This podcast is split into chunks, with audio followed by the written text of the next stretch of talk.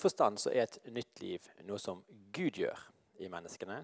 Det er et verk som Gud gjør i oss, og det er en invitasjon til at du kan bli et nytt menneske og få som vi sier i Salt, et nytt og bedre liv. For det tror vi av hele vårt hjerte. At det beste livet, det er livet i etterfølgelse av Jesus. Det er livet som han gjør nytt, og som ved det skaper noe i oss. Jeg skulle gjerne hatt eh, litt vers på, på veggen, og sånn, men det klarte jeg ikke. Samtidig som jeg kjørte fortere enn UP hadde likt mellom Ervika og hit. Så det beklager jeg. Men eh, kanskje er du en sånn som tar med deg Bibel på, på møte. Jeg ser i hvert fall at Vidar foran her har Bibel, og flere andre. Kanskje har du en app hvis du har glemt Bibelen. Det er veldig, veldig, veldig bra. I 2. Korinterne 5,17 så, så kan vi lese at Paulus skriver noe om dette. At man er, har fått et nytt liv. Det er på en måte startpunktet. Og jeg skal, nå skal jeg la, jeg skal la bladingen Jeg liker bladlyden. Ah, sant? Altså, come on, Ruben. Du vet dette kan du. Takk, Jesus, for Ruben. Takk, Herre, for uh, teknologien. OK, klar? Paulus skriver derfor, om noen er i Kristus, da er han eller henne en ny skapning. Det gamle er forbi. Se, alt er blitt nytt. Smak litt på det. Ny skapning. Det gamle er borte. Se, alt er blitt nytt.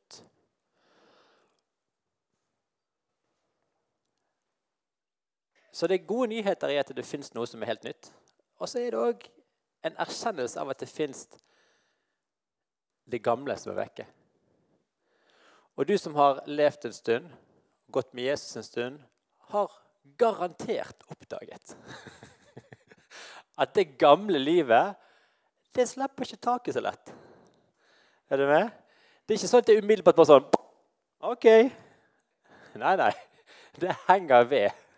Henter oss inn, klamrer seg fast rundt armer og bein. Og så kan man oppleve det at ah, Kom an! Så tar det litt tid før man kommer i sving. Så hvis startpunktet er det at du er en ny skapning i Kristus Jesus Vi skal snakke mer om identitet litt senere. Men det, det er startpunktet. Så vil fortsettelsen av det det vi kan lese om i Kolossene. Og Da får du en, skal du få litt tid. Kolossene 3 og vers 1-17. Beklager hvis du syns dette var litt for langt, eh, men da kan du lese det igjen når du kommer hjem. Du skal få tid til å bla opp Kolossene, kapittel 3, vers 1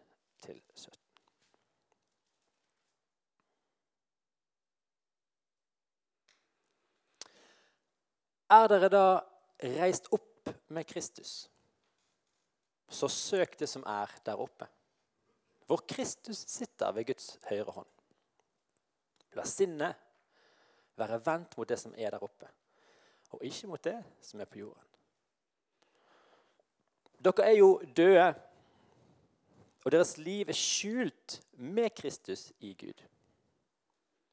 Men når Kristus, deres liv, åpenbarer seg, da skal også dere bli åpenbart i herlighet sammen med ham. Så fortsetter han. La det jordiske i dere dø hor, urenhet, lidenskap, ondt begjær og grådighet, som ikke er annet enn avgudsdyrkelse. Alt dette gjør at Guds vrede rammer de ulydige, og blant dem var også dere den gang dere levde slik. Men legg nå av alt dette. Sinne, hissighet, ondskapspott og rått snakk, og lyv ikke for hverandre. For dere har kledd av dere det gamle mennesket og dets gjerninger, og iført dere det nye, det som blir fornyet etter sin skapers bilde, og lærer ham å kjenne. Her er det ikke greker eller jøde, omskåret eller uomskåret, barbar, skyter, slave eller fri. Nei, Kristus er alt i alle. Dere er Guds utvalgte, helliget og elsket av Han. Kle dere derfor i inderlig medfølelse og vær gode, milde, ydmyke og tålmodige. Så dere bærer over med hverandre og tilgir hverandre hvis den ene har noe å bebreide den andre. Som Herren har tilgitt dere, skal også dere tilgi hverandre. Og over alt dette, kle dere i kjærlighet, som er båndet som binder sammen og gjør fullkommen. La Kristi fred råde hjertet, for til det ble dere kalt da dere ble én kropp. Og vær takknemlige. La Kristi ord få rikelig rom hos dere. Undervis og rettet hverandre med all visdom. Syng salmer, viser og åndelige sanger til Gud av et takknemlig hjerte. Og la alt dere sier og gjør, skje i Herren Jesu navn, med takk til Gud, vår Far, ved ham. Himmelske Far, jeg takker deg for ditt ord. Jeg takker deg, Herre, for at du har talt til oss gjennom ditt ord. Og jeg ber for de neste minuttene, må du, Hellige Ånd, tale til våre hjerter. Må du, Hellige Ånd, komme og åpenbare noe nytt for oss. Må du, Hellige Ånd, ved ditt ord, la det bli til liv og liv i overflod. Herre, vi ber om det. I Jesu navn. Amen. Ta litt drikke. Amen. Mm. OK. Her var det mye å ta tak i. Det var ikke, det ikke, her var mye å ta tak i. Jeg skal ikke ta tak i alt, for da blir vi jo aldri ferdig. Sant? Så jeg skal prøve å holde meg. Hvor, hvor, god tid har jeg, forresten? Vi må bli enige om det, så jeg kan lande rett. det ikke, var det sånn temasamtale, eller var det Nei, sant? Dette er oppvarmingen? Ja, ja, ja. Det er oppvarmingen. Fint å se dere. Bra. Det å ha blikket, som det står i starten av teksten, festet på det som er der oppe, eh, da snakker vi ikke om de som har spesiell interesse for tretopper eller takkonstruksjoner eller stjernehimmel, men Jesus som er i himmel ved Faderens høyre hånd. Det å løfte blikket er ikke en virkelighetsflukt, men en kalibrering av vårt perspektiv. Og jeg vet ikke om du har opplevd endringer i perspektivet ditt som gjør at du ser ting annerledes etterpå. Kanskje du har vært ute fra en situasjon, et møte med noen mennesker. Kanskje har det vært en nesten-ulykke, kanskje har det vært eh, noen mennesker som kom til deg eller gitt deg en gave. eller hva enn Det skulle være. Det å oppleve at man får et endret perspektiv, det er en gave. For Noen ganger så kommer vi så nært på det som er rundt oss, at vi misser på det store bildet. Og så ser vi bare det som er rett foran nesen. Jeg husker for en god del år tilbake så holdt jeg på å pusse opp en leilighet på Landås i Bergen. Og eh, når jeg holdt på med den oppussingen, var jeg utrolig opptatt av noen ledninger som var skjult bak en list inne på soverommet. Og det var veldig viktig for meg. Jeg må få denne ledningen bak listen inne på soverommet. Brukte mye tid på det, var frustrert for det. Eh, gikk og irriterte meg at jeg ikke fikk det godt til. Prøvde å lime, prøvde å spikre. Prøvde å, Come on! Grave inn i veggen. Dette må på plass. Og I den eh, perioden så var jeg en tur på, på Ulriken. Speidet utover Bergen. Tok fram sitaren. Jeg tok min ny Nei, jeg gjorde ikke det. Men jeg så utover Bergen. Det var sånt vær som dette. Og jeg kunne se eh, byggene. Og så ser jeg fra Ulriken at det er en høyblokk nede på Landås som fra dette perspektivet så ut som en, en type legokloss. Sant? Og så visste jeg at bak den legoklossen der nede på Mannsverk så var det en enda mindre legokloss. Og inni den mindre legoklossen så var det en, en liten leilighet. Og inni den lille leiligheten så var det et lite rom. Og inni det lille rommet så var det en list, og bak den listen så lå det noen ledninger. Og de ledningene bak den listen er du med? Så når jeg gikk derifra, så opplevde jeg helt genuint at liksom bare Come on! Livet er mer enn ledninger bak en list. Sant? Vi har jo hele Bergen, og jeg begynte liksom å tenke og regne. Tenk hvor mye det koster. Jeg har jo brukt mangfoldige 100 kroner på denne ledningen bak listen. Så bare, pff? Og så plutselig så bare tenkte jeg helt andre tanker enn når jeg sto der inne på det der rommet og svettet. Jeg fikk et endring i mitt perspektiv, og plutselig så ble det satt i en sammenheng som gjorde at jeg tenkte ja, ja, ok, det går jo helst greit. Det kommer til å løse seg, dette. På en eller annen måte. Jeg hadde ikke gjort noen ting annet enn å flytte perspektivet. Men når jeg gjorde det, så endret det alt. Og når vi løfter blikket vårt på Jesus, ja, da kan vi få lov til å oppleve at perspektivet vårt endres.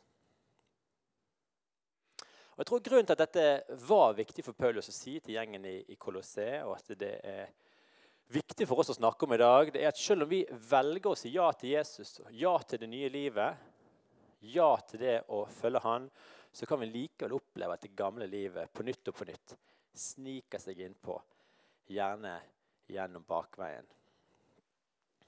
Og Så sier Paulus det utrolig flott i et annet av brevene, nemlig brevet til romerne. Hvor I kapittel 6 vers 4 og utover så skriver han dette.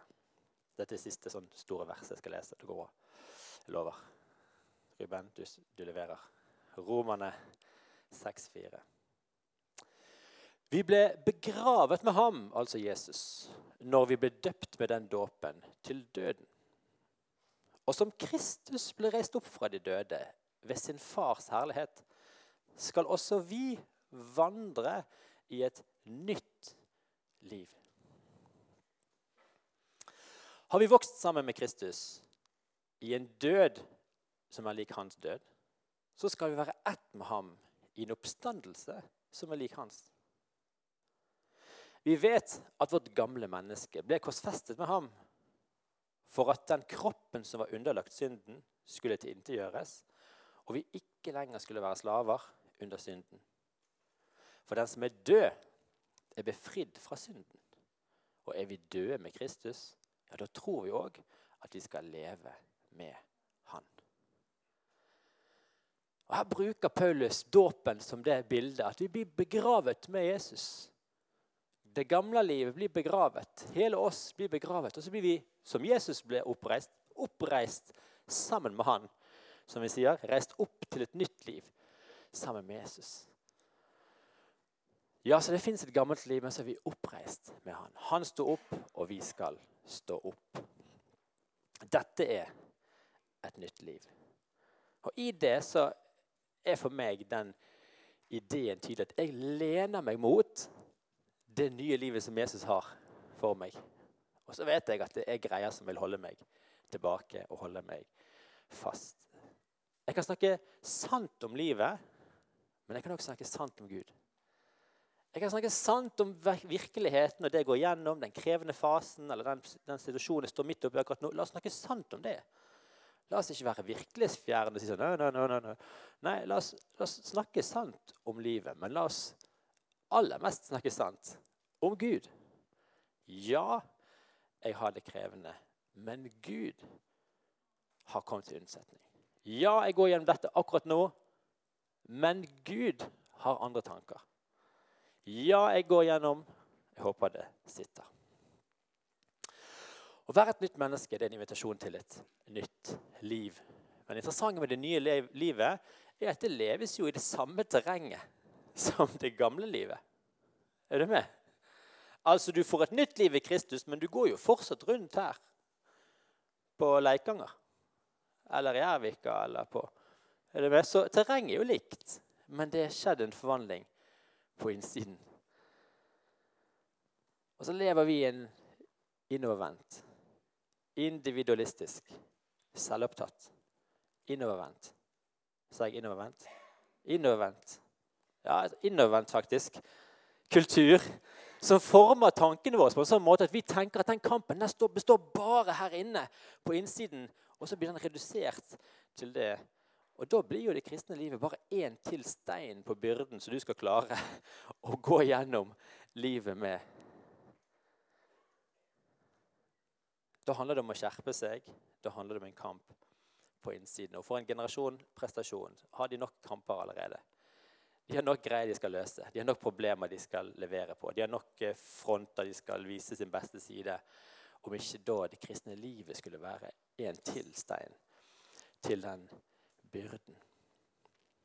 Og Da tenker jeg noen ganger at hvis det er én ting jeg har lyst til å melde til de unge menneskene som går rundt og kjenner på at det, ah, det går jo ikke.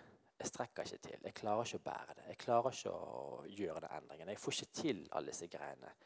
Altså er jo det evangelium at vet du hva? Du har fått et nytt liv.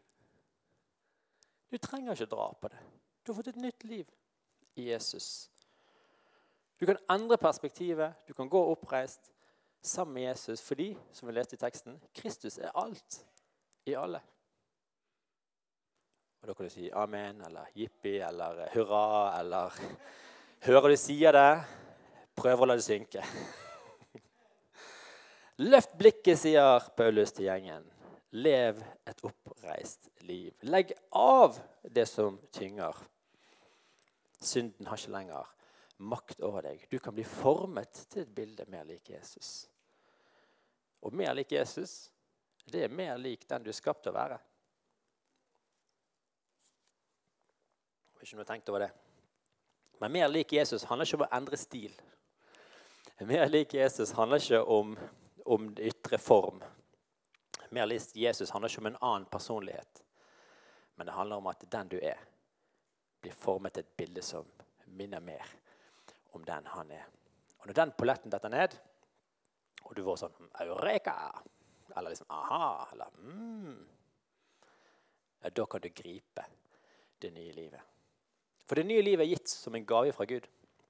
Og Jesus han betalte for det nye livet med sitt eget liv. For å muliggjøre det for oss å kunne bære det. Vi leste i Kolossene at dere er Guds utvalgte, helliget og elsket av Han. Kle dere derfor i inderlig medfølelse. Vær gode, milde, ydmyke, tålmodige, så dere bærer over med hverandre og tilgir hverandre. Som Herren har tilgitt dere, skal dere tilgi hverandre. Over alt dette, kle dere i kjærlighet som er båndet som binder sammen og gjør fullkomment. Du er Guds utvalgte. Du er helliget av Han. Og det er her det begynner. Dette er din første identitet som menneske. Din første identitet som menneske er at du er utvalgt, helliget, elsket av Gud, fått et nytt liv. Det er den basen vi står på. Ut ifra det kan vi begynne å gå. Ut ifra det kan vi begynne å la oss forme. Og vi trenger alltid å ha den høyt framme i panen vår. Og med den identiteten så kan vi kle oss med eller kle av. Alt etter som. For det vi gjør, det flyter ut av den vi er. Hvis du har noe noterende, så kan du skrive det. Det som vi gjør, flyter ut av den vi er. Når du er elsket, så er det ut ifra det at du kan leve. Se for deg noen som, som elsker deg. Og noen som du elsker. En eller to personer trenger ikke ta hele slektstreet, men, men, noen som du opplever at ja, de, de elsker meg. Og jeg elsker de. Hvilken styrke gir det ikke at du kan kjenne på at du er elsket? Mest sannsynlig er det de menneskene du nå tenker på, som betyr mest for deg. Er tettest på deg de som du går med. De som bryr deg mest om deg. Men så har vi Gud, da. Han har en enda større kjærlighet. Ja, vi kan være glad i hverandre, for vi har en historie i lag. Og vi kan bry oss om hverandre fordi Men Gud, han går jo mye lenger. Hans kjærlighet er langt større. Og hans kjærlighet tar oss i en retning hvor det fins en ny nåde, hver dag. Hvor det fins nye muligheter rundt hver sving. Og hvor Gud den som etterjager med sin godhet og med sin kjærlighet. Og det med utgangspunkt i denne indre opplevelsen eller erfaringen eller overbevisningen eller åpenbaringen eller hva det skulle være, av at du er elsket og villet og ønsket. Ut ifra den så kan vi se at det slår ut i ytre handlinger. Har vi fått tak i det, at vi er utvalgt, helliget og elsket ubetinget, ja, da kan vi kle oss som nye mennesker. Jeg skal bare ta et par ting. Det skal gå bra. Hvis jeg starter ut i begynnelsen, da, kle dere i medfølelse. Inderlig medfølelse. Godhet, ydmykhet og tålmodighet. Medfølelse i denne sammenhengen det er litt mer enn å bare synes synd på. For det er jo, det er jo medfølelse. Sant? Men det er enda tydeligere i den teksten at det ikke bare at jeg føler med deg, eller stakkars deg, men det er en medfølelse som ja, jeg syns synd på, og jeg føler med, men til en sånn grad at jeg òg gjør noe for å hjelpe. Er du med? For medfølelse alene, hvis det bare står, så hjelper det jo ingen.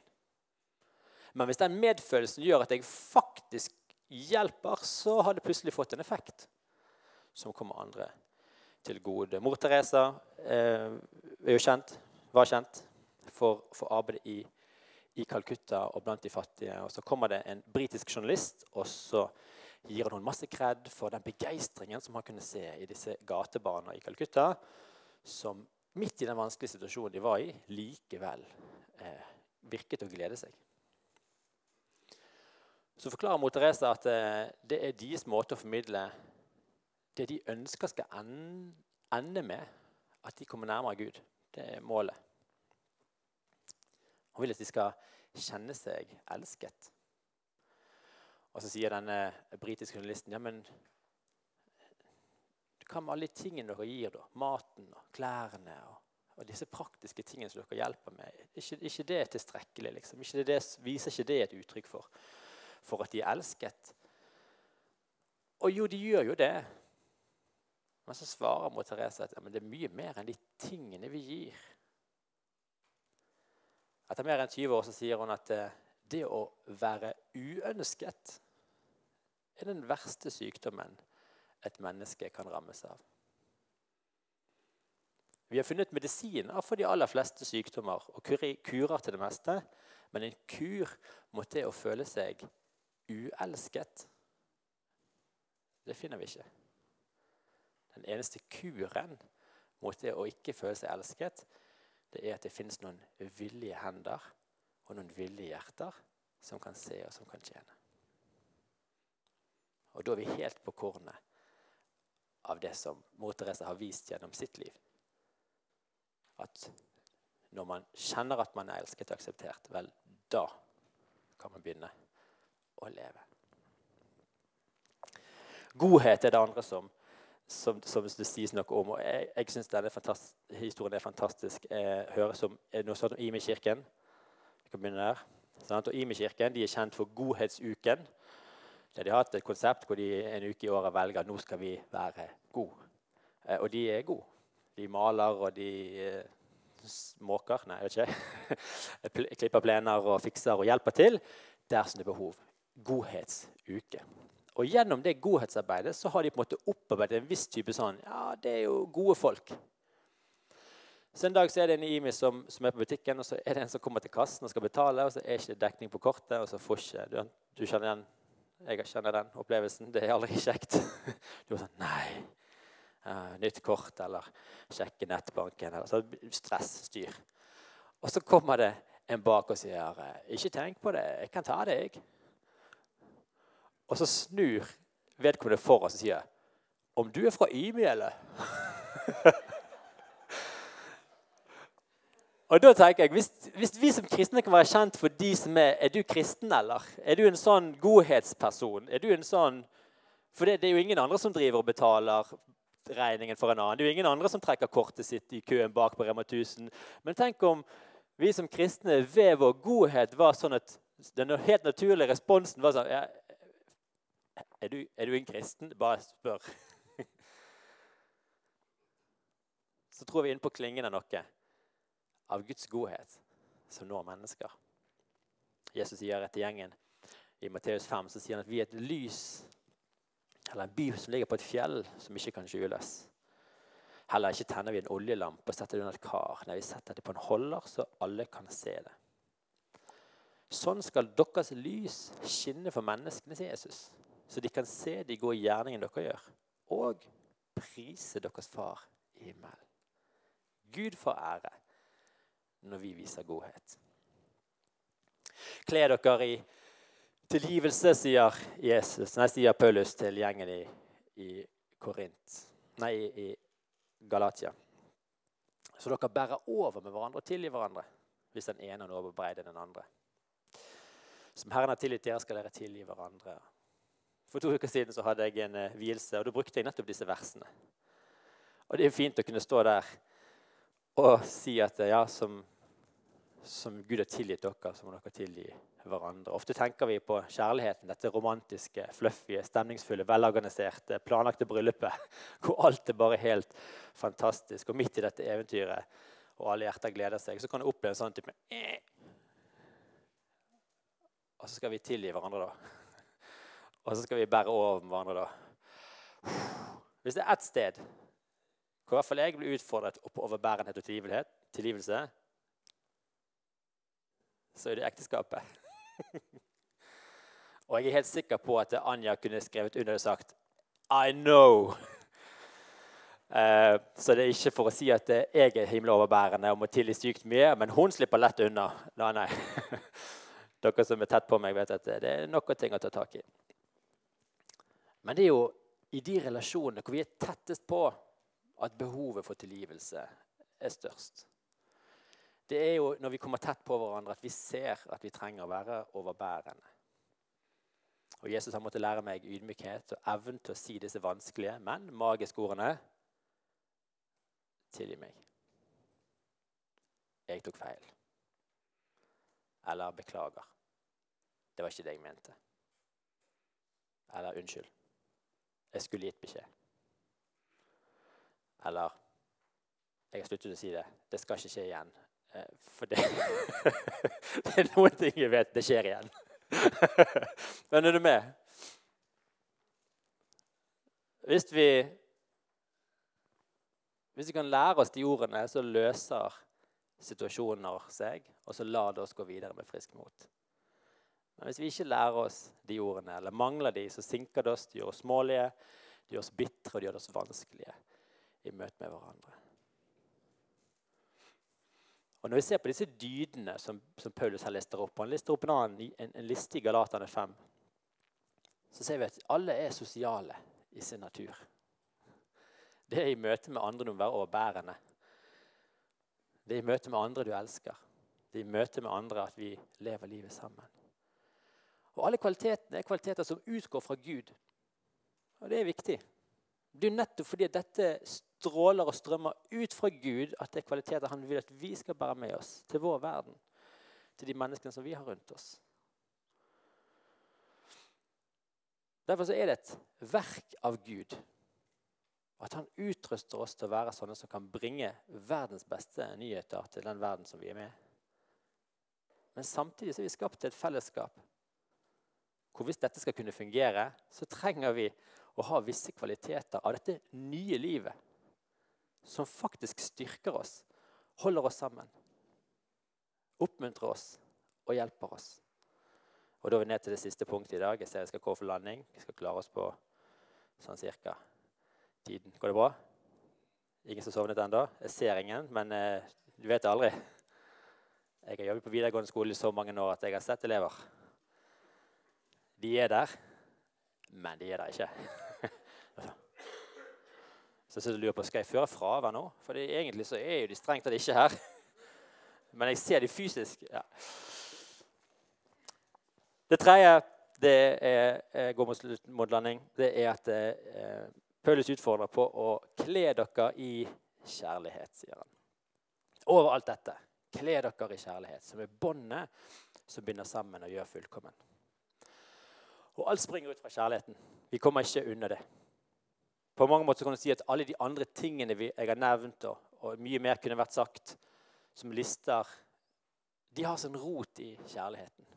Det at vi har fått ta imot Guds kjærlighet. At vi kan erfare at vi er bekreftet og elsket.